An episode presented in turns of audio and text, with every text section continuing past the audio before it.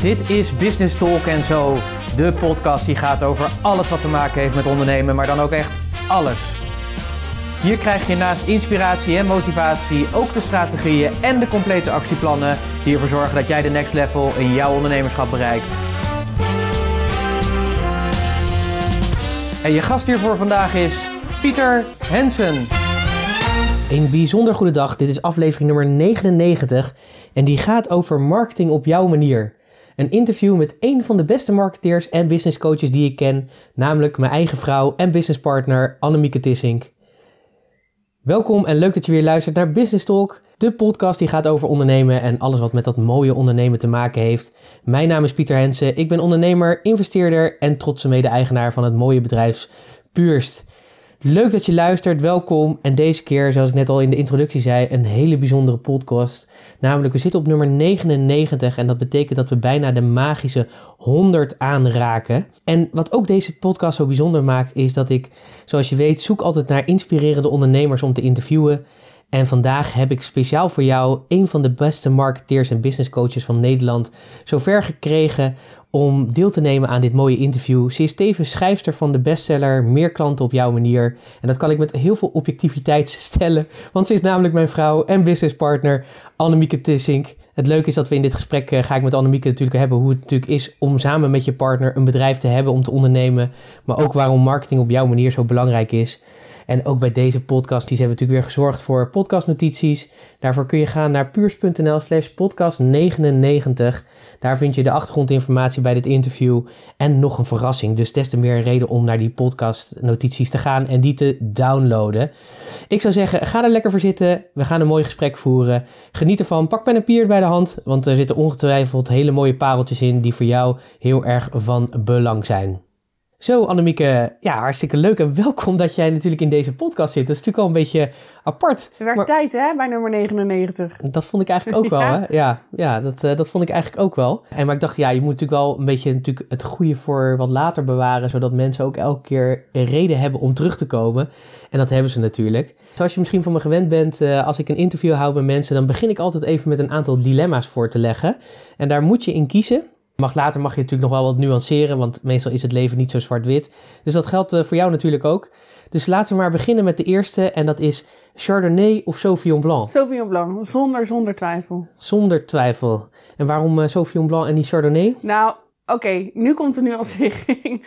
Sauvignon Blanc is als je kijkt naar de meeste instapwijnen die je gewoon op een terrasje drinkt, dan zijn de Sauvignon Blancs echt beter dan de Chardonnay. Chardonnay wordt wat mij betreft pas beter op het moment dat die uh, nou ja, een bepaalde, zoals jij altijd zo'n geweldig woord vindt, houtopvoeding heeft gehad. Of uh, echt op een mooie manier gemaakt is. En dat krijg je niet op een terras. Dus uh, meestal Sauvignon Blanc, tenzij ik zelf mag kopen, dan kies ik sneller Chardonnay.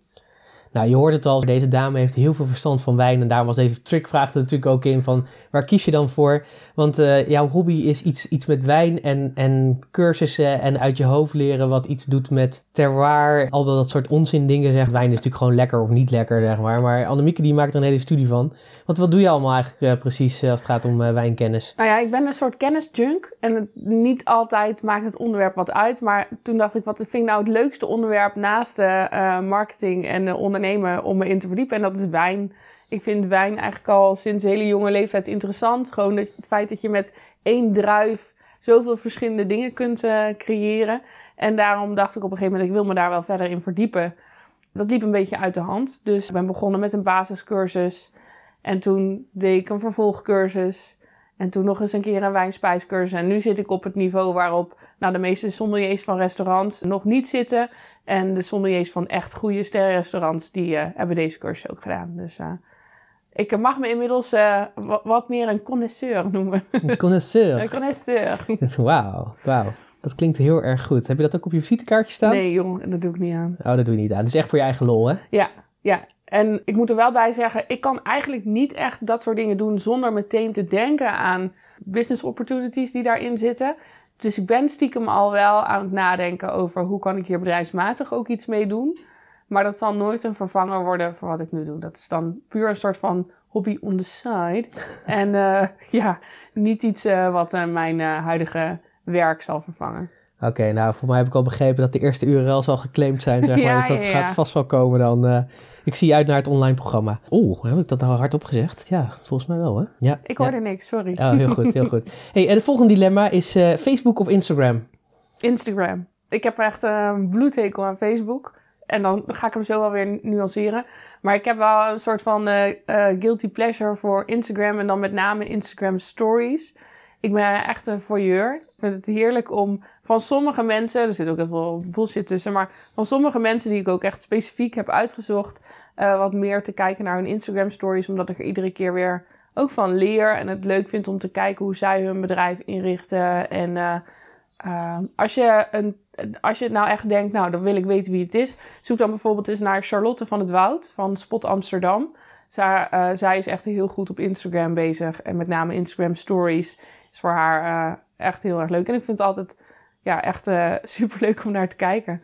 En voor de rest, Facebook vind ik vooral zakelijk heel interessant. Maar privé zul je mij daar niet zo snel vinden. Ik vind het vooral een soort rabbit hole waar mensen induiken.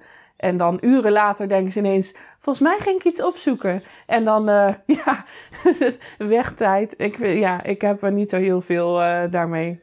Maar je hebt ook nog niet je account geblokkeerd en opgegeven? Nee, maar nee joh, waarom zou je? Kom op. Dat is echt, uh, dat vind ik de grootste onzin die er is. Dat mensen nu ineens denken, oh ja, Facebook volgt van alles van mij. Dat wisten we al jaren. Dat wisten we echt al jaren. En er worden op zoveel manieren misbruik gemaakt, tussen aanhalingstekens van data. En uh, het is echt niet dat Facebook nou ineens de bad guy is. Ze hebben best dingen fout gedaan, daar ben ik het mee eens. Maar dat is een paar jaar geleden gebeurd. En ik, de meeste bedrijven profiteren hier vooral alleen maar van. En zolang jij een ondernemer bent en je bent slim en je wil het goed aanpakken... dan ga je niet denken, oh ja, ik ga dat account blokkeren. Nou, ben je gewoon een particulier die denkt, ik kan mij niks schelen... dan stop lekker met Facebook, goed idee. Maar dan zijn er alsnog cookies op andere websites die je gedrag volgen... En die zorgen dat je toch ineens stiekem die Zalando uh, advertentie terug ziet komen. Of uh, andere dingen waar je mee bezig bent. Dus eigenlijk heeft het in deze tijd, wat mij betreft, niet echt veel zin om dan te stoppen met Facebook. Want je wordt toch wel gevolgd. Oké, okay, oké. Okay. Heldere, heldere, heldere mening. Even kijken hoor. Uh, andere keuze die ik je wil voorleggen is strategie of actie? Oh, ik wilde zeggen strategie. Maar um, ja, actie. Toch actie maar wel strategische actie. Ja, dit is een hele moeilijke voor mij, omdat vroeger was strategie vooral iets wat ik heel erg belangrijk vond. Ik wil graag dat mensen niet om zich heen schieten met hagel en dan hopen dat ze raken. Maar ik wil überhaupt wel dat ze gaan schieten. Ik ben een enorme professionele konschopper. Ik hou ervan om mensen in actie te zetten. Want de meeste mensen denken dat ze best wel wat doen. Maar als je dan letterlijk gaat kijken naar de netto tijd die ze bezig zijn met actie ondernemen, dan gaat het toch wel nou, dat valt mij altijd zo tegen. Er gaat heel veel tijd zitten in voorbereiding en dan de actie is dan half. En dan bereik je niks. Dus eigenlijk zeg ik zonder actie geen resultaat. En, uh, maar zorg dan wel dat die actie, actie een beetje gericht is. Dus actie. Actie, actie. Actie in de taxi. Actie in de taxi. Nou, we gaan er straks vast meer over horen. Een eigen bedrijf of samen met je partner een bedrijf? Ik zeg uh, samen met mijn partner een bedrijf. Ik vind dat een van de mooiste cadeaus die ik uh, heb mogen krijgen. Dat wij samen dit mogen doen. Want daardoor, één, dat vind jij niet altijd leuk, maar zie ik heel vaak. En het is heel gezellig. Plus we hebben echt samen een gezamenlijke missie en ambitie. En dat geeft een bepaalde diepte aan de relatie die, uh, nou, die ik niet zou willen missen. Dus tuurlijk, af en toe uh, is het best lastig, omdat er bij ons geen werk en privé is. Dit is gewoon ons leven. Maar ik zou dit met niemand anders willen doen dan met jou. Oh, gelukkig. Ja, het is toch altijd even spannend als je een vraag stelt, hè? Want voor hetzelfde geld nou zet je gewoon een eigen, bedrijf. eigen bedrijf, dat kan ik, zal ik ook echt niet uitsluiten dat dat misschien ook nog een keertje komt. Want jij houdt zelf ook van buitenspelen, Pieter Hensen. Nou, vooralsnog zeg ik, de basis is een eigen bedrijf. Oh, ik bedoel, de basis is samen met jou. Nee, de basis is samen met jou. Oh, val ik bijna door de mand. Ja, ja, ja, ja, ja. We hadden nou afgesproken dat we voor dit interview dat niet zouden doen. Maar oké, okay, jammer hoor. Helemaal goed. Buiten was weer buiten gevangen. Laten we snel doorgaan naar de volgende. Uh, online of offline? Offline. hey, dat is wel grappig. Want je bent vooral juist aan het profileren online. Ja, maar ik vind dat mensen door het feit dat er steeds meer online mogelijkheden zijn, vergeten dat offline nog steeds de snelste manier is om klanten binnen te halen, geld te verdienen, maar ook om echte relaties op te bouwen met de mensen om zich heen, met potentiële klanten. En dat is de basis van alles. Iemand wil jou leren kennen, waarderen en vertrouwen. En dan kun je best je best doen om dat online te doen. Maar hoe leer ik je nou het beste kennen? Als ik een Facebook berichtje van je zie of als ik met je in gesprek ga. Dus ik vind offline, ondanks het feit dat daar een beetje meewarend over wordt gedaan, omdat offline toch echt, een online toch echt de toekomst heeft. Uh, offline verdient voor mij de voorkeur. En dan leverage je met online. Oké, oké. Heel interessant, heel interessant. Tot slot, die vraag kijk ik altijd aan iedereen. Samsung of Apple? Apple. Ja, ik heb uh, beide hoor. Ik heb uh, zowel een Samsung-telefoon als een iPhone. En ik moest heel erg aan die iPhone wennen, want ik had jarenlang een Samsung gehad. Maar ik, ja, ik ben heel blij met alles van Apple eigenlijk. Dan ga ik echt een meisjesantwoord geven, omdat het mooi is. ja, ik vind het gewoon veel mooier. Ik zag deze week in de trein, liep ik zo door de eerste klas, coupé. En toen zat er nog zo'n uh, zo'n meneer op te werken op een computer waarvan ik dacht, komt hij uit het stenen tijdperk? Toen ging ik even beter kijken, toen was het gewoon een, een, een oude Windows computer nou niet eens een oude computer, maar een Windows computer. En dat ik dacht, oh ja, die tijd, daar zou ik echt nooit meer weer naar terug willen. Dus uh, ik ben heel blij met Apple. Ja, heldere keuzes natuurlijk, hartstikke goed. Dit jaar bestaat Puurs bestaat uh, acht jaar. Yes. Kun je eens wat vertellen hoe jij samen met mij dat bedrijf bent gestart? Want het was eerst Puurst, later is het Puurst Ondernemersacademie geworden. En nu is het inmiddels ook weer Puurst. Dus ja, wat, wat is er allemaal gebeurd in die tussentijd? Ja, we zijn er eigenlijk gewoon een beetje ingerold samen. Hè? Dat uh, ik was heel vroeg al met mijn eerste bedrijf. En dat vond ik best wel heel leuk, maar dat was met andere mensen. Dus dat, was niet echt een uh, succes. Maar toen ging ik naar de universiteit. En toen dacht ik, ik wil eigenlijk wel heel graag wel verder met het ondernemen. Want wat heb je gestudeerd? Ik heb HBO uh, marketing en communicatie en uh, universiteit ook marketing en communicatie gedaan. Dus, en, ehm, dus je weet iets van marketing en communicatie? Klein beetje. Hoewel ik erbij moet zeggen dat, je, dat ik al heel snel achterkwam dat als je zelfstandig professional bent of kleine ondernemer, dat je aan heel veel van wat er geleerd wordt, maar gedeeltelijk wat hebt. En hoe, hoe komt dat dan? Omdat het toch heel erg gericht is op bedrijven met grote budgetten, met uh, teams die je inzet, grote campagnes bedenken. En uh, wij starten in ons tweede of derde jaar van het, ja, ik denk tweede jaar van het HBO een eigen communicatiebureau. En toen dacht ik, ja, hartstikke leuk dat ik nu weet hoe ik meer toetjes moet verkopen voor Mona. Want uh, kan ik zo 50.000 euro tegenaan gooien. Maar ja, wij hebben dat budget helemaal niet. En ik heb niet een heel team.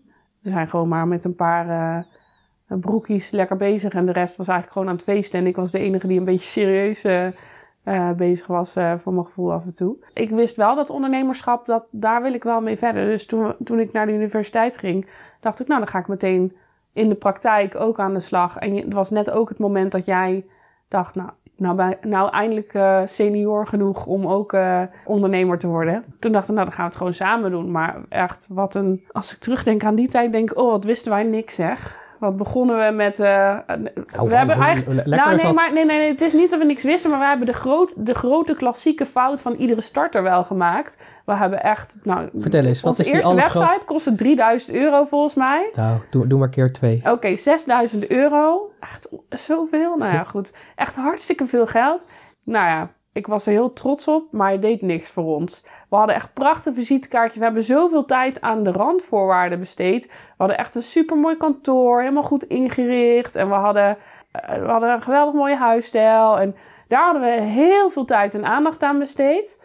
Maar hoe we nou precies dat bedrijf gingen bouwen en hoe we gingen zorgen voor opdrachten, dat kwam gedeeltelijk natuurlijk ook wel uit het netwerk. Het kwam alleen maar uit het netwerk. Ja, maar verder hadden we daar niet echt over nagedacht. En was ik echt wel zo'n startende ondernemer die het ook heerlijk vond. Oh, ga ik nu lekker eventjes ontwikkelen. En dan uh, ging ik uh, trainingen maken en uh, dat soort dingen. En pas later, ik denk één of twee jaar later, kwam bij mij het echte besef dat... Nou, nee, dat klinkt alsof ik twee jaar niks heb lopen doen. Maar ik was natuurlijk ook nog fulltime aan het studeren daarnaast. Er kwam bij mij pas de urgency dat ik dacht... En nou is het tijd om te kappen met kussentjes opschudden. Maar nu gaan we gewoon echt volop aan de slag. En dat is ook het moment dat wij officieel uh, zakelijk gingen scheiden. We hebben het namelijk ooit zonder elkaar geprobeerd omdat jij uh, uh, wat anders wilde dan ik. En ik was, voor mij was toen het moment dat ik dacht: wat wil ik dan echt doen?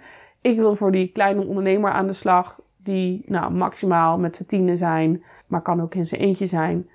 Want dat zijn de mensen waar ik het meest van geniet. Dat zijn de mensen waar ik heel veel respect voor heb, omdat ze hoofd boven het maaiveld uitsteken Dat hebben we toen een tijdje zonder elkaar gedaan. Maar al heel snel zei hij, mag ik weer meedoen? en toen werden we de Puurste Ondernemersacademie. Want toen zijn we gestopt met adviseren en rapporten schrijven en dat soort dingen. Maar zijn we begonnen met trainingen, coaching en echt samen met die ondernemer aan de slag gaan. Ja, en waarom nu Ondernemersacademie eraf gaat? Nou ja, het had er net zo goed op kunnen blijven. Maar wat we merken is dat er gewoon wel uh, wat meer... Het, het gaat niet meer om academie, zullen we zeggen. We zijn niet bezig met alleen maar trainingen geven. Nee, dus, kijk, uh, toen hadden we ook voor mij een beetje bedacht inderdaad... dat we meer een soort trainingsbureau zouden worden. Ja. Hè? Dat je gewoon met een groepje ondernemers elke keer zou starten. Ja. Daar zijn we vrij snel van afgestapt eigenlijk al. Oh, gelukkig wel. Ja, uh, ook omdat het gewoon een hele crime is om elke keer een groep vol te krijgen. Ja, maar ook omdat ik geloof dat je meer resultaat bereikt als je het op een andere manier doet. En dat is wel de route waar we nu op zitten. Dat we veel meer kijken individueel en soms in een klein groepje naar wat een ondernemer echt nodig heeft. En je kunt wel twaalf ondernemers in een groep zetten en dan hopen dat ze allemaal hetzelfde eruit halen. Maar iedereen zit op een ander niveau en iedereen heeft wat anders nodig. Ja, en dan ga ik liever uh, voor uh, net dat beetje meer uh, individuele aandacht. Dus. Ja, want het gaat uiteindelijk ook om het resultaat dat die mensen bereiken. En, ja. en dat is wat je natuurlijk wil, wil doen. Dus ik denk dat dat ook gewoon de logische ontwikkeling is. Dat, dat de ondernemersacademie past daardoor minder. Dat wil niet zeggen dat we, we hebben natuurlijk nog heel veel online trainingen en trainingen die we hebben, zullen we zeggen. En we geven masterclasses en dat soort dingen. Dus er zit nog steeds wel een trainingscomponent in. Ja, maar niet meer zoals dat was of in nee. eerste instantie bedacht was. Nee, dus uh, nou, ready for uh, the next step. Ready for the next step, absoluut. Hey, en hoe is het nou om samen met mij, misschien mij in het bijzonder, maar gewoon hoe is het samen om met je partner? Want ik ken wel een aantal ondernemers die dat ook doen. Maar veel mensen die zeggen natuurlijk ook, ik moet er echt niet aan denken. Heel veel ondernemers die ik natuurlijk spreek of klanten die ik spreek, die zeggen van zo, pff, ah man, hoe hou je het uit? Nou, dat vraag ik natuurlijk soms ook wel eens af, maar nou, dat is een grapje. Bedankt, maar, hè? ja. Maar hoe, hoe is het om met, met je partner... Uh, je, je zei in het begin natuurlijk er al wat over, maar vertel eens, hoe is dat? En hoe is dat ook gegaan eigenlijk uh, in de afgelopen jaren? Zo, cocktailvragen. Drie ja, ik wil net zeggen wat je vraagt precies. Maar laat ik maar beginnen met de eerste. Hoe is dat om dat samen met je partner te doen? Um, ja, ik vind dat dus heel erg leuk. Maar wij kunnen ook heel goed samenwerken. Zijn heel erg aanvullend ik ben altijd stiekem wel een beetje trots als mensen zeggen: Oh, dat zou ik echt nooit kunnen met mijn partner. En dan denk ik: Oh ja, maar ik kan het wel. En ik, we zijn er ook heel goed in. En, uh, uh, Wat maakt ons zo goed daarin? Ja, we begrijpen elkaar heel goed, denk ik. Of we voelen elkaar heel goed aan in wat de ander graag wil, wat je daarvoor nodig hebt. We zijn niet bang om elkaar te confronteren met dingen. We hebben een enorme gezamenlijke drive en missie. Het is niet zo dat als jij een keer uh, een paar avonden achter elkaar weg bent, dat ik denk, nou, is die weer niet thuis met eten?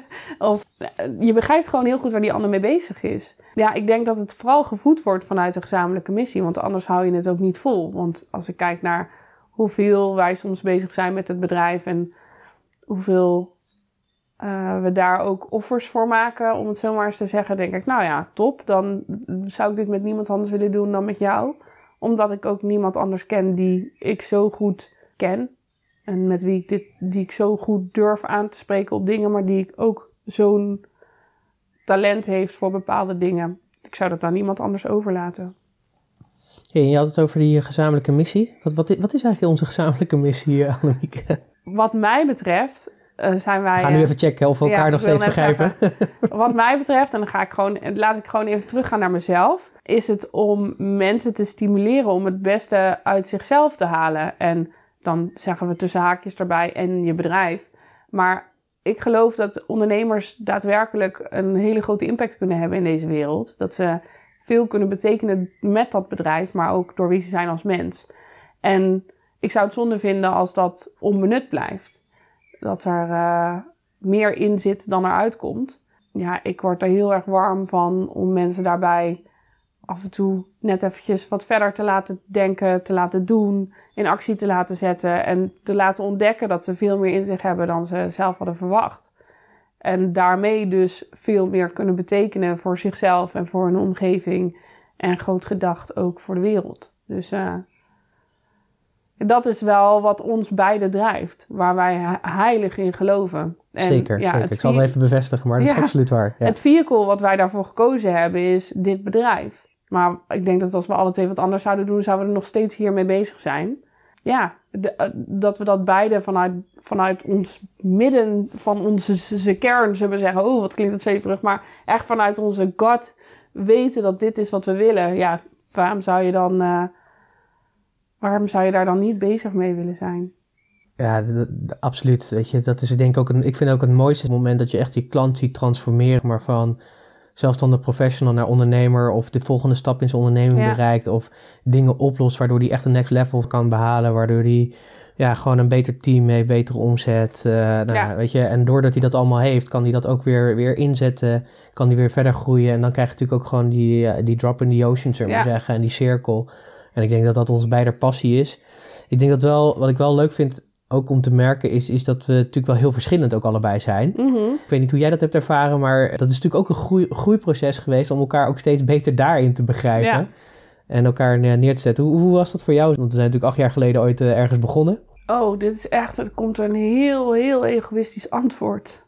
Ik denk dat ik vooral heel erg, zeker in die eerste jaren, bezig geweest ben met mijn eigen groei als mens. Omdat ik zo onzeker was en dat ik met zoveel dingen zat dat ik ook niet echt, uh, misschien ook wel niet echt geschikt was als ondernemer.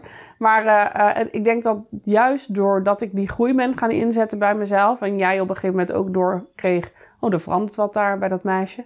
Ehm, dat we elkaar daarin zijn gaan meenemen en samen zijn gegroeid. Ja, dat verschil, ja, heb ik daar nou heel erg veel last van gehad?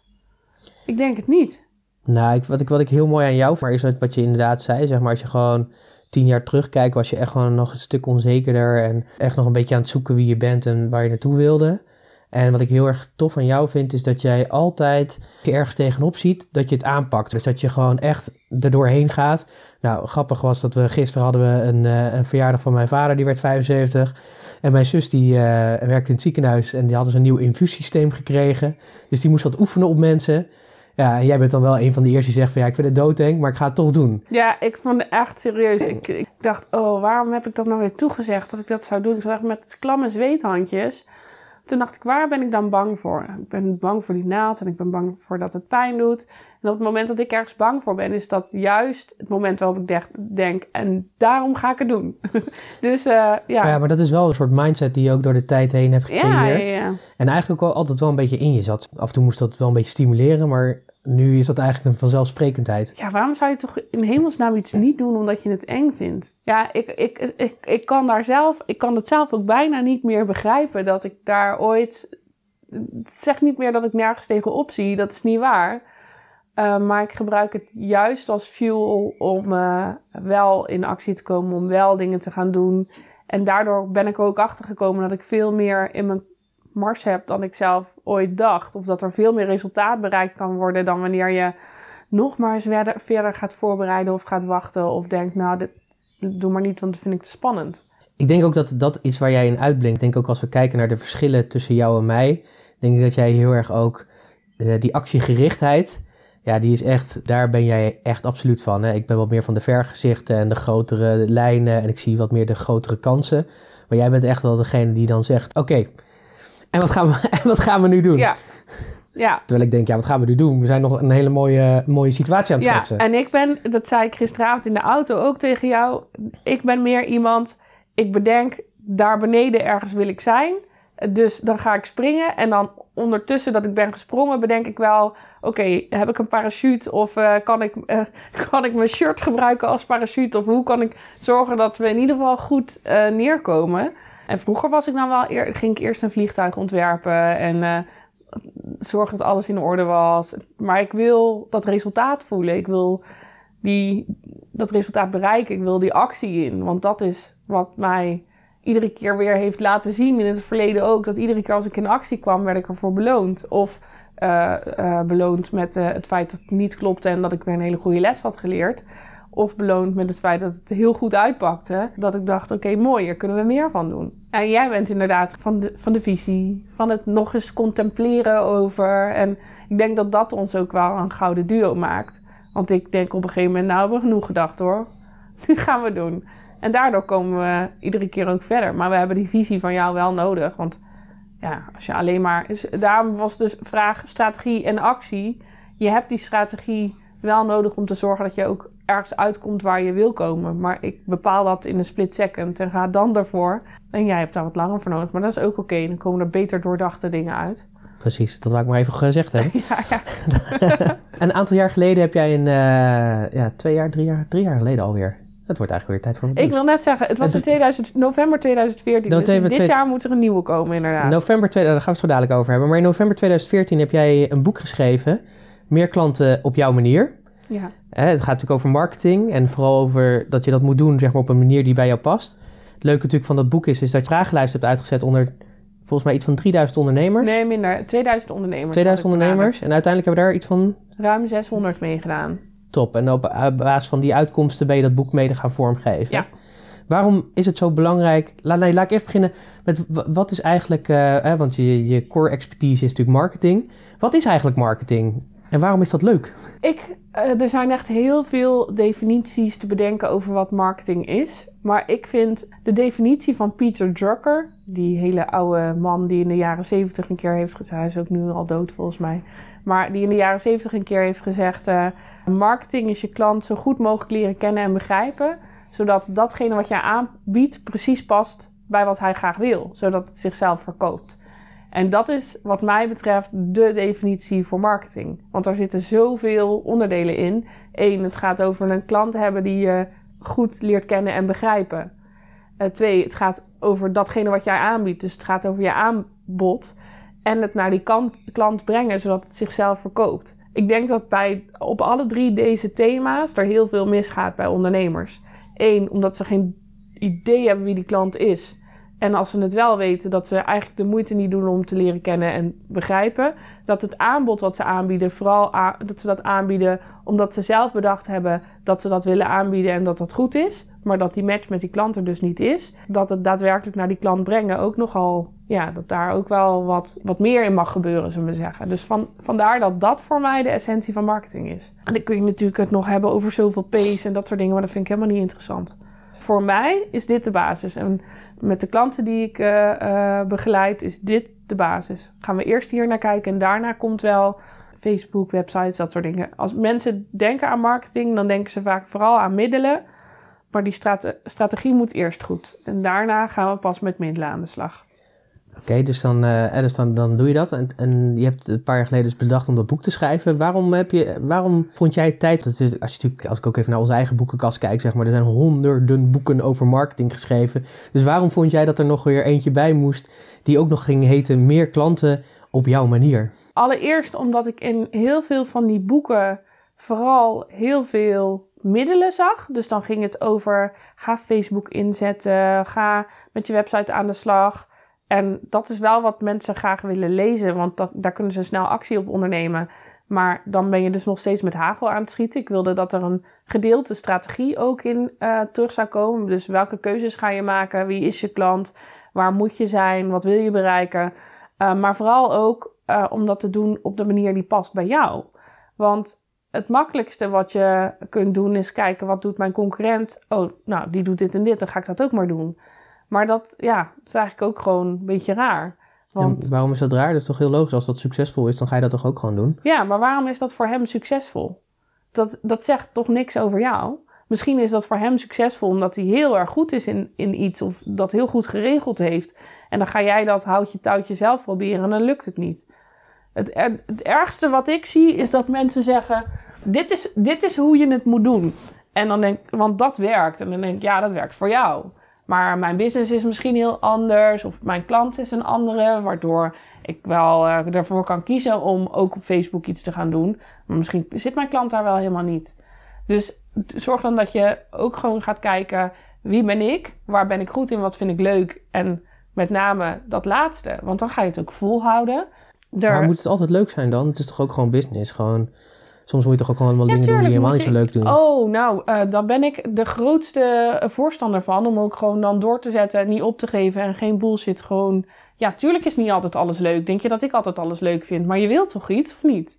Dat is dan wat er bij mij altijd komt. Dit, dit is de Annemieke attitude, hè? Ja. Die, uh, die menig klant al uh, oh, tot even waanzin heeft gedreven. Ja, dus Maar wel- eh, het wel- hoeft niet altijd leuk te zijn. Maar de reden dat ik zeg, kijk dan waar je goed in bent en wat bij je past, is omdat je het dan gaat volhouden. En de meeste mensen houden gewoon niet vol als het gaat om marketing. Die doen een beetje, dan denken ze, oh ja, ik ga bloggen. Gaan ze, eh, hebben ze een jaar achter elkaar, hebben ze één keer in de maand een blog geschreven. Ja, het werkt niet, dus ik kap er maar mee.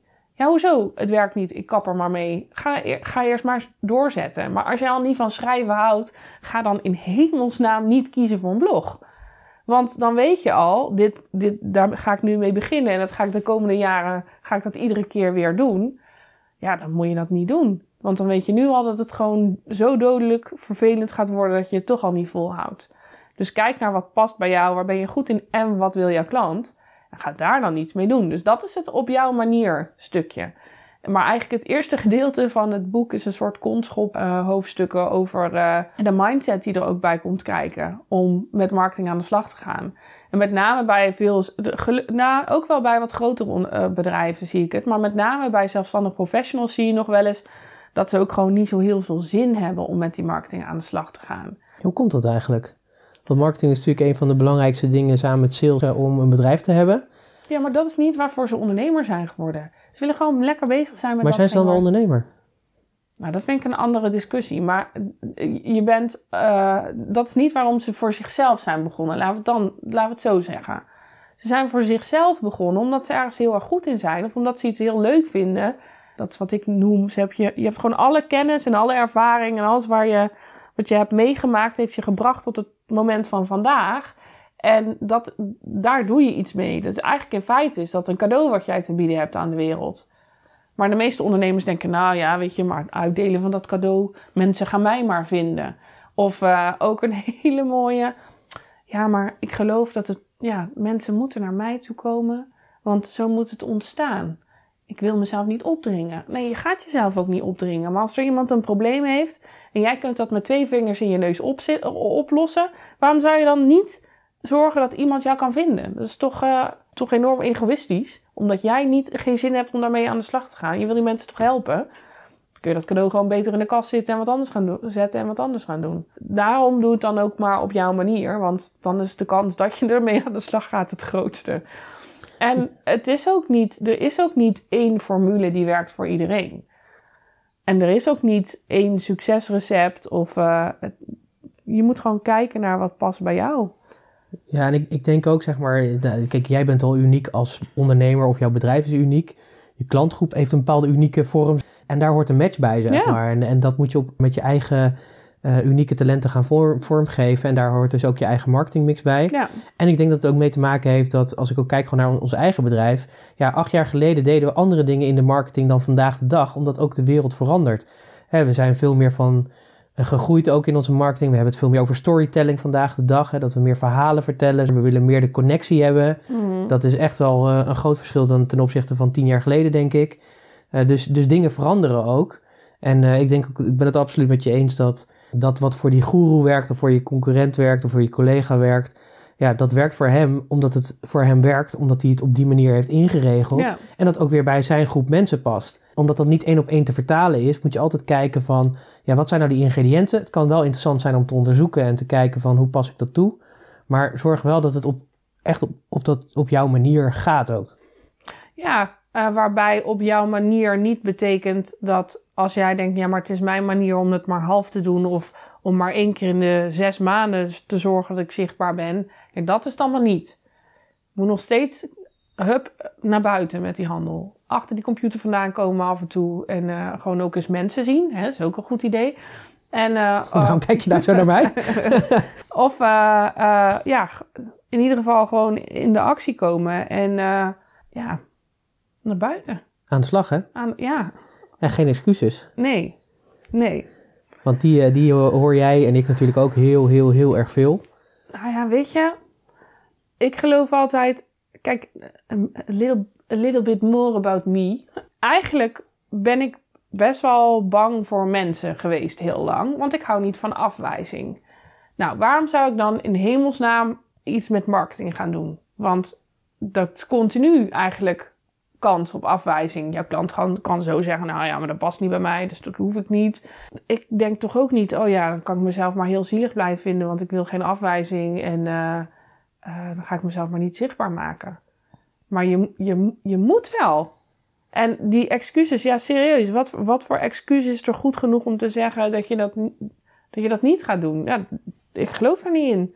Iedereen die een verhaal, iedereen heeft een verhaal. Ja, dat niet alleen, zeg maar. Ik denk dat iedereen, uh, zeker elke ondernemer, heeft ook een missie te vervullen. En ik denk dat het ook je plicht is om die missie waar te maken. En daar zie ik gewoon nog te veel ondernemers te gemakkelijk zijn eigenlijk. Omdat, omdat ze onvoldoende die connectie met die missie hebben. Of als het even tegen zit, niet echt die stap willen zetten om te zeggen: Oké, maar ik vind die missie zo belangrijk dat ik bereid ben om door mijn eigen angst heen te gaan. Of ik ben bereid ja. om af en toe even ja, vervelende dingen te doen of even een belletje te doen om, eh, om dingen te vragen. Of, Vind je nou. het niet gek? Het is niet gek dat ik die niet doe, want uh, vroeger ben ik gepest en uh, dat, dat hoor ik heel veel. dan denk ik, ja, maar je wil, je wil toch iets? Je wil toch nu iets? Vroeger is, is voorbij. En uh, daar wil ik helemaal niet makkelijk of kortzichtig over doen, want ik heb precies datzelfde verleden. Maar als ik daarin blijf hangen, dan had ik nu niks bereikt. Ja, maar ik denk dat het ook een verschil is. Ben je ben je regisseur? Voer je de regie? Uh -huh. Of ben je slachtoffer? En dit zijn allemaal eigenlijk excuses, zullen we zeggen, en meer een soort slachtoffergedrag. Terwijl in het andere stuk zit de regie. Kijk, als je er bewust voor kiest om het niet te doen, dan vind ik het nog, heb ik daar nog meer vrede mee dan dat je elke keer allerlei smoesen verdenkt. Of in jouw beleving allerlei overtuigingen hebt waardoor je het niet zou kunnen doen. En het is toch, ja, tuurlijk is het niet altijd leuk en tuurlijk is het niet altijd makkelijk. Maar um, ja, op het moment dat jij het gevoel hebt dat je echt dat cadeau hebt om uit te delen en dat je daar echt een impact mee kunt maken in die wereld, of dat je echt die missie hebt, en het maakt maar niet uit wat die missie is, als die voor jou maar echt waar en goed voelt, ja, dan, dan, dan moet je wel af en toe dingen doen waarvan je denkt: ik vind het spannend, of ik heb er geen zin in, of uh, ik ben met mijn verkeerde been naar bed, bed gestapt. Ja, ga even iets doen waardoor je even in een betere mood komt, want dat kan altijd. En dan aan de bak. Ja, weet je, en voor mij is het ook altijd, ik moet altijd een beetje, weet je, ik ben een beetje natuurlijk uh, wat visueel ingesteld. Dus ik denk, ik denk altijd aan Columbus, zeg maar. Die kreeg natuurlijk op, een gegeven moment opdracht om uh, een bepaalde kant op te varen. Uh, maar ik zie hem zo voor me dat hij op dat strand staat en dan ziet hij die horizon zo. En dat hij gewoon denkt, wat zou daar achter die horizon liggen, zeg maar. En dat dat, die nieuwsgierigheid, volgens mij is dat wat je elke keer moet prikkelen. Ook om te zeggen, ja oké, okay, shit, weet je, daar moet ik wel voor met uh, 100 man op zo'n boot gaan zitten. Nou, dat is natuurlijk echt niet gezellig. Zeker toen die tijd niet. Weet je, dat is niet de luxe cruises die we vandaag kennen. Uh, met een hoop ellende, pijn, verdriet. Ja, geen zekerheid om terug te komen. Scheurbuik. Scheurbuik, ja. noem maar wat. Allerlei uh, van dat soort dingen. Uh, maar wel die nieuwsgierigheid om achter die horizon te kijken. En daar dus, ja, dus al je angsten ook voor aan de kant te zetten. En toch achter die horizon willen gaan kijken. Ja, en dat is meteen wel weer het verschil tussen jou en mij. Jij gaat dan inderdaad heel visionair en daar naar dat plaatje. En ik, ga gewoon iedere keer de competitie met mezelf aan. Als ik iets eng vind, of als ik, dan denk ik niet per se altijd aan dat vergezicht. Maar dan denk ik aan de missie die ik zelf heb. Oké, ik vind iets eng, nou kom maar op. Dus jij hebt daar de ene manier voor en ik heb daar de andere manier voor. Ik zou het zeggen, op basis van Columbus zou er bij mij niet veel gebeuren, denk ik. Ik, ja, ja, zo jammer moet, is dit. Ja, nee, maar ik zoek heel nee, veel hoor. dingen altijd in mezelf. En um, dat is ook altijd als wij... Wij hebben een personal trainer, Pieter en ik. En wij gaan altijd uh, sporten met hem. En dan op een gegeven moment is het aan het eind van de les... Dan hebben we een challenge via op, met roeien of uh, met fietsen of dat soort dingen. En Pieter probeert altijd de competitie met mij aan te gaan. Ja, dan heb, serieus. Ik ga niet de competitie met jou aan. Ik doe de competitie met mezelf. Ik wil het altijd beter doen dan de vorige keer spel winnen. Dat is gewoon heel simpel, weet ja, je. En dan moet je iemand verslaan. Ik, wil het spel, ik win het spel niet van jou. Ik win het spel van mij. Want ik ben de enige die mezelf iedere keer in de weg kan staan. En als, ik jou, als jij in de weg staat voor mij, dan, ga ik, dan, dan zorg ik wel dat ik je op een of andere manier omver, of, omzeil. Want ik ga jou niet in de weg laten staan van mijn succes, zullen we zeggen. Uh, grappig. Ja, ja, nee, ik weet, maar, en, en ik weet dat ik denk niet dat ik me heel erg populair maak met dit soort uitspraken. Maar dit is wel hoe ik in het leven ben gaan staan. Al proberen om een ander het beter te doen dan een ander. Of naar een ander te kijken wat die allemaal doet en wat die allemaal heeft. En ja, daar heb ik, wat, heb ik hier aan? Wat kan ik hiermee? Ik heb maar één iemand met wie ik het in dit leven moet dealen. En wij lopen samen met elkaar mee, maar ik ben degene die met mij dit moet doen. Nou, ik denk dat het een hele belangrijke is, want Kijk, het risico is dat je dan te veel gaat focussen op wat al die anderen doen. En dat je je eigen pad vergeet. Ik weet dat wij dat op een gegeven moment, of in ieder geval ik op een gegeven moment ook een tijdje heb gedaan. Dat je alleen maar bezig bent met wat je concurrentie aan het doen is. Terwijl dat helemaal niet interessant is. Het is natuurlijk wel leuk om een beetje te volgen. Wat doen ze, zullen we maar zeggen. En zitten daar interessante dingen bij waarvan kan leren of kan implementeren. Maar uiteindelijk gaat het erom dat je je eigen pad hebt te bewandelen. En dat je, ja, dat, dat heb ik nu echt wel, dat ik overtuigd ben van, joh, oké, weet je, dit pad gaan we, gaan we doen. Die, die missie die hebben we en die gaan we gewoon realiseren, punt. Ja. En ja, daar heb ik geen andere bij nodig. We hebben andere mensen nodig die je scherp houden. En uh, ja, dus ik denk dat het gewoon goed is om je te blijven ontwikkelen en mentoren te zoeken die je helpen om die focus uh, te houden. Maar ik denk dat ja, wij heel duidelijk wel hebben van hé, hey, uh, we hoeven eigenlijk niet naar die ander meer te kijken. Uh, wat daar gebeurt. Want dat is eigenlijk helemaal niet interessant. Omdat die dat ook weer doet voor die groep mensen. Ja, ik, ik weet nog wel dat wij een keertje gingen we naar Den Haag. Uh, samen. Dus wij zaten in de metro en jij zat op je telefoon te kijken. En toen een van onze collega's ging iets doen met een onderwerp waar wij ook net mee bezig waren. En dat jij je helemaal op zat te vreten over hoe dat dan moest. En dat ik dacht, nou ja, lekker belangrijk. Maar laat haar lekker ook daarmee bezig zijn. En dat is, ik kan alleen maar naar mijn collega's, en ik noem het ook niet voor niks collega's, kijken met respect en waardering.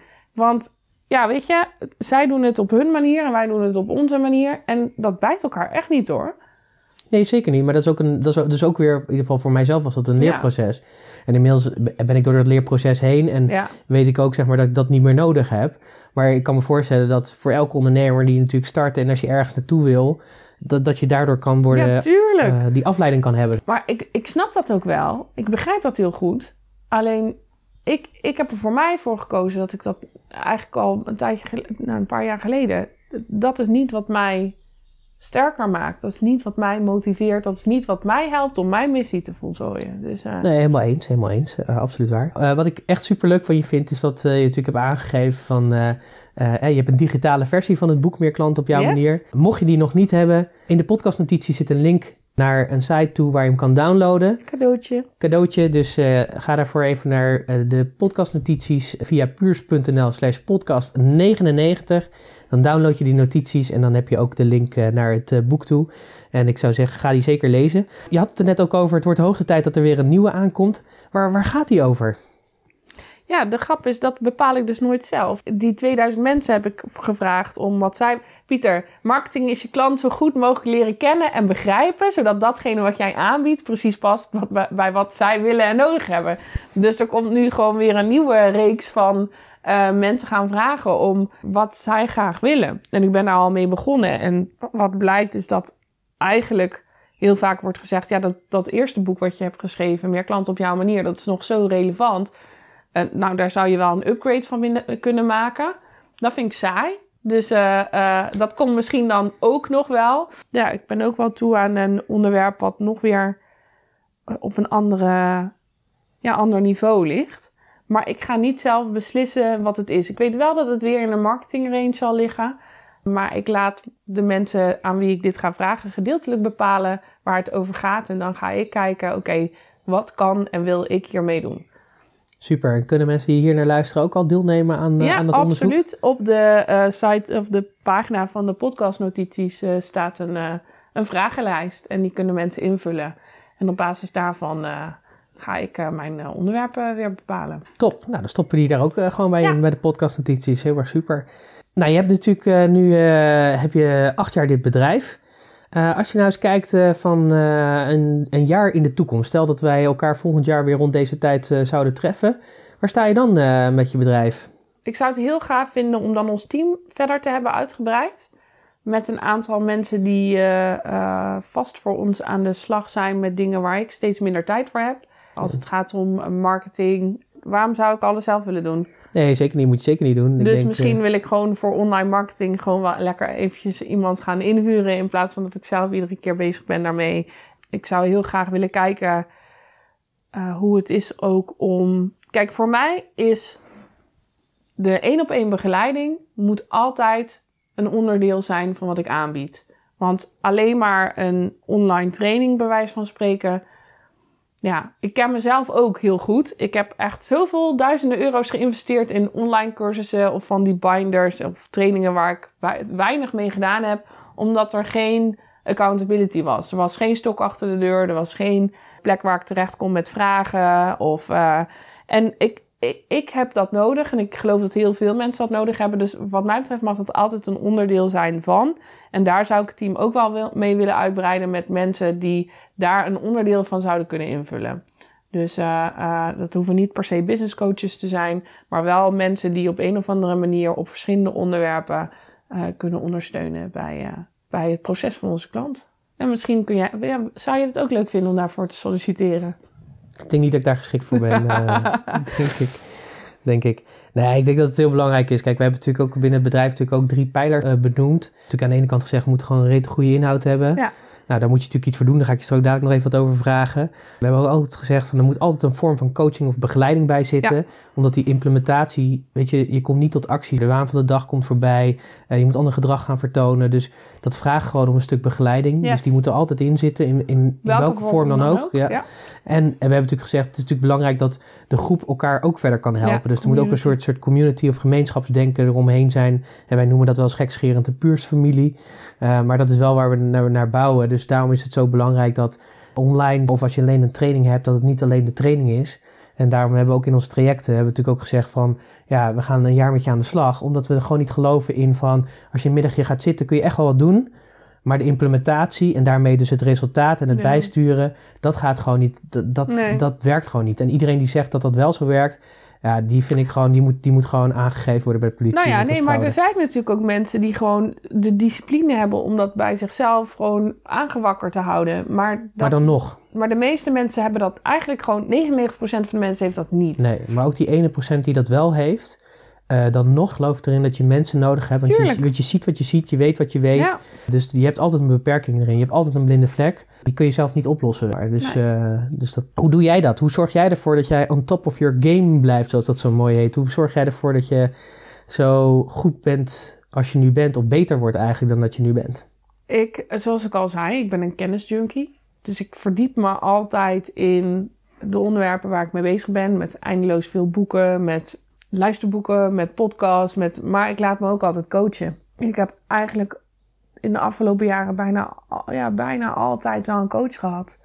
Die mij ook weer helpt om tot het uiterste te gaan. En mezelf weer de competitie met mezelf aan te gaan. Om me te ontwikkelen op verschillende vlakken. Er zijn ook wel eens mensen die zeggen: ja, ja, een coach is dat nou wel, is dat nou wel nodig? Of ik heb al een coach, moet ik dan nog met jou aan de slag gaan? En dan denk ik: ja, ik heb soms wel eens vijf coaches tegelijk ongeveer. Op heel veel verschillende gebieden. Dan, en persoonlijk en uh, op het marketinggebied. En dan nog gewoon op het, het businessgebied in het algemeen. En, dus eh, ik geloof niet dat ik het alleen kan. Dus ik, ja, ik zoek altijd naar manieren om me daarin verder te ontwikkelen. En ik denk ook dat het een belangrijke is om te realiseren dat je er nooit bent. Ik sprak pas iemand en die zei: Nou, ik heb geen coaching meer nodig hoor. En toen dacht ik: Prima als jij dat denkt, maar ik geloof daar gewoon niet in. Ja, het is gewoon niet zo. Punt. Omdat je altijd, dan kom, je creëert altijd je eigen plafond, zullen we zeggen. En ik ben, mijn levensinstelling is dat ik altijd dat plafond wil doorbreken. Ik denk juist mensen die zeggen van ik heb geen coaching nodig, die hebben juist coaching nodig, omdat ze niet weten wat ze niet weten, zeg maar. Ja, Kijk, nee, dat is ook de zo. reden dat je zegt dat je geen coaching nodig hebt, zegt juist zeg maar, dat je ergens tegenaan loopt of dat je iets wegstopt, waardoor je niet dit volgende level gaat halen. Dus ja, dat, maar ik, ben, ik ga mensen ook niet overtuigen dat nee, ze dat wel niet. moeten Tuurlijk, doen. dat want moeten ze zelf doen natuurlijk, absoluut. Ben ik met je eens. Maar ik denk dat het gewoon niet waar is. Want, ik, want dat zou eigenlijk betekenen dat je uitgeleerd bent. Nou, en als je uitgeleerd bent, dan ben je eigenlijk uitgegroeid. En dat vind ik heel erg mooi in de natuur. Als iets uitgegroeid is, dan betekent het gewoon dat het tijd is om dood te gaan. Want dan Ja. kun je afsterven, dus dan heb je blijkbaar je doel bereikt. Alleen, ik, ja, ik denk dat je als mens altijd verder kan groeien naar een Ja. volgend niveau. Dus, ja, eh, en dat vind ik ook wel. Vind ik ook wel het gave, maar ook wel eens het spannende. Dat ik denk, ik ben nu, ik ben net, nou ja, net een half jaar 30 nu ongeveer. Ja, 30? ja ik ben 30. Ja, dames en heren. 30 geworden dit jaar. Ehm, maar eh, ik ben nu 30. En als ik kijk naar wat ik in de afgelopen 10 jaar al heb gedaan aan ontwikkeling. En dan denk ik, ik hoeveel mooier kan het nog worden? Ik, vind, ik heb er zo'n zin in om te kijken waar, ja, waar ik nog meer en groter en beter en ook gewoon die, iedere keer die ontwikkeling weer te blijven doormaken. Dus dat is ook een van de redenen. Ik zal nooit stoppen met mezelf te ontwikkelen, omdat het gewoon zo'n gave reis is. Ik zie zoveel resultaat van al die eh, van, ja, van al die inspanning die ik doe. Ik ben nog niet klaar hoor. Nee, en ik denk dat je ook nooit klaar zult Nee, zijn, zeg maar. Want elk, op elk niveau kom je weer andere uitdagingen tegen. Of misschien weer dezelfde, maar dan in een andere verpakking. Every level has its own Ja. level. Maar waar ligt, waar ligt jouw grootste uitdaging op dit moment? Eh, mijn grootste uitdaging op dit moment ligt in ontspannen en loslaten. In de zin van, ik, ik heb de neiging om soms het gevoel te hebben dat ontspanning een luxe is. Dat gun ik mezelf niet heel snel. Dus net als eh, normale mensen zoeken dan een hobby waarbij ze kunnen gaan ontspannen. Ik zoek een hobby waarbij ik een heel boek uit mijn hoofd moet leren. Waarbij ik examen moet doen. Waarbij ik mezelf ook nog een grens opleg. Of een soort doel opleg om eh, net als alle twee de vorige keren met een bepaald niveau te slagen. En dat is dan mijn vorm van ontspanning. Maar echt ontspannen, zoals heel veel mensen gewoon lekker een keer een Netflix-serie of zo kijken, dat gun ik mezelf niet altijd, want dat vind ik zinloos. Terwijl juist dat zinloze, juist dat dolce van niente, wat ze in Italië zo mooi zeggen, dat heb ik heel hard nodig. Om ook gewoon daarin weer verder bij te, te komen en dat soort dingen. En er is altijd wel wat te doen. Ik kan nu ook, ik kan wel twintig dingen bedenken die ik vandaag zou kunnen doen om te zorgen eh, dat er weer iets beter gaat. Of dat moet ik gewoon leren dat dat niet altijd kan. En dat het ook gewoon oké is om af en toe lekker met je reet lekker op de bank te gaan zitten en een tijdschrift te pakken. En ja, dat is wel mijn grootste uitdaging, denk ik. Nou, dan, eh, dan wordt het tijd om zo eh, heel erg te gaan relaxen. We gaan al richting een afronding van dit mooie gesprek. Als je nu de mensen die luisteren, wel, welk, zeg maar, wat is jouw beste advies wat je ooit hebt gekregen en welk advies zou je hen willen meegeven? Oké, het is niet per se een advies, eh, maar het is een, het is een statement of een quote die eh, Anthony Robbins ooit maakte. En die zei: The past does not equal your future. En hij zei: Denk je dat ik zo altijd zo was? I created this motherfucker. En, Want ehm, wie, is, wie is Anthony Robbins voor mensen die dat niet Ehm, weten? is een, eh een goeroe of een, nou ja, echt wel een vooraanstaande op het gebied van personal development, eh, maar ook op het gebied van business. En hij heeft echt het grootste shit verleden wat er, wat er maar kan zijn. Alles wat mis kon gaan in zijn jeugd is misgegaan. Maar hij had dat vuur in zich wat dacht, oké, ook al was het rot, ook al heb ik alles meegekregen om te kunnen mislukken, ik ga ervoor zorgen dat dat niet gebeurt. Hij heeft alles gedaan om zichzelf te blijven uitdagen, om zichzelf te blijven ontwikkelen. Ja, was, was daar heel erg mee bezig. En ik denk dat mijn grootste les daaruit is geweest dat ik denk, ook al, ook al was mijn jeugd, was thuis trouwens allemaal prima hoor, was hartstikke leuk en gezellig, maar op andere gebieden echt af en toe een hel. Dat betekent niet dat de rest van mijn leven zo hoeft te zijn. Ik, hoef, ik mag ook gewoon daarin iedere keer weer groeien. Het feit dat hij ook... Hij is iemand naar wie ik echt wel heel erg opkijk. Maar ook het feit dat hij zegt... eh, Pardon my French, I created this motherfucker. Laat zien dat het... Natuurlijk is niet alles maakbaar. Maar je kunt jezelf steeds weer blijven uitdagen. Je kunt... Waar, als je vandaag niet tevreden bent met waar je staat... Dan kan er altijd iets veranderen dan kun je iedere keer weer kijken, oké, maar wat, wat wil ik dan en hoe kan ik daar komen? Of eh, eh, als je ergens, daarom, als je ergens bang voor bent, hoe kan ik het overwinnen? Gewoon omdat het leven te kort en te kostbaar is om te blijven waar je nu bent. Tenzij je daar heel tevreden mee bent en dat is ook goed. Maar voor mij, Wauw, dankjewel, super gaaf. Is er nog iets waar je op wilt terugkomen? Oh, moet ik iets rectificeren? Nee hoor, hoeft helemaal niet, maar kan. Nou kan, ja, kan. wel, eh, iets waar ik op wil terug. Ja, weet je, er is best wel heel veel al gezegd. Eh, ik zou echt wel heel graag de hulp willen van de luisteraars bij eh, eh, het thema van mijn volgende boek. En dan niet omdat ik, ik kreeg toen de, de vorige keer dat ik dat vroeg voor mijn andere, voor mijn vorige boek, kreeg daar ook best wel wat nare reacties op. Van mensen die zeiden, kun je dat zelf niet bedenken? Eh, en ja, tuurlijk kan ik zelf bedenken waar ik over kan schrijven. Ik kan zo zes boeken schrijven. Daar heb ik echt geen, absoluut geen moeite mee. Maar ik wil geen plankvulling maken. Ik wil een boek schrijven waar mensen iets mee kunnen. En met meer klanten op jouw manier is dat echt gelukt. En dan krijg ik van heel veel mensen terug. Ik wil alleen niet schrijven als het iemand anders verder helpt. Dus vandaar, eh, alle input is welkom. Oké, nou die, eh, die gaan we zeker opnemen in de podcastnotities. De link naar eh, de vragenlijsten Yes. die erbij hoort. En nou, dat, dat wordt super. Dus van harte uitgenodigd om daaraan deel te nemen. Ik denk dat je dan ook een... ja, de vorige keer kreeg je volgens mij een digitaal exemplaar ook van dat boek Ja, op het moment dat het boek klaar is, krijg je een digitaal exemplaar toegestuurd. En als je het leuk vindt... Dat, dan wil ik ook je naam nog vermelden in het boek. Oh ja, ja. Dat heb ik de vorige keer ook gedaan. Niet omdat uh, ja, ik vond, dat zijn allemaal mensen die hebben bijgedragen aan datgene wat ik mede met hun gecreëerd heb. Dus dan verdien je ook een plekje. Nou, super. Annemieke, heel erg bedankt voor dit leuke, leuke gesprek. We zouden dit bijna vaker moeten doen, zou ik zeggen. nou, laten we er dan een ritueel van maken. Want stiekem doe ik ook af en toe wel een keer de, pod ja, dat podcast. Is, dus... Dat is waar, zeg maar. Je zult ook af en toe wat meer de podcast gaan doen. En uh, het is eigenlijk, ik ben ermee begonnen, maar het is eigenlijk een onderdeel van, van onze dienstverlening. Het is een onderdeel van Puurs Business Talk. En jij bent daar natuurlijk ook een onderdeel van. Dus af en toe heb je het al gedaan. Afgelopen week, weken, zeg maar, had ik af en toe wat problemen met mijn stem. Dus toen, ja, dat maakt het natuurlijk sowieso lastig dan. Dus daar was jij de mooie stand-in voor mij. Daar was ik heel erg blij mee. En wie weet wat dat nog meer gaat brengen. Ik wil in ieder geval jou als luisteraar heel erg bedanken dat je geluisterd hebt. Ik hoop dat het een waardevol gesprek voor je was. Dat je geïnspireerd bent, maar dat je ook inzicht hebt opgedaan waarvan je denkt van ja, daar ga ik mee aan de slag. Wil je reageren op deze podcast, dan kan het natuurlijk. Dat kun je doen door in de kanalen waar deze podcast komt. Daar zitten vaak ook uh, uh, mogelijkheden om opmerkingen te plaatsen. Dus plaatsen daar ook, dan, dan zie ik ze en dan reageer ik daarop. Wil je persoonlijk reageren, dan kan dat ook altijd. Stuur even een mail naar pieter.puurs.nl of naar annemieke.puurs.nl. Dat maakt verder niet uit. We zijn altijd goed bereikbaar. En we vinden het altijd leuk om met, met jou als luisteraar in gesprek te gaan over ondernemen en alles wat met dat mooie ondernemen te maken heeft. Vergeet natuurlijk niet even de, de podcastnotities te downloaden. puurs.nl slash podcast 99.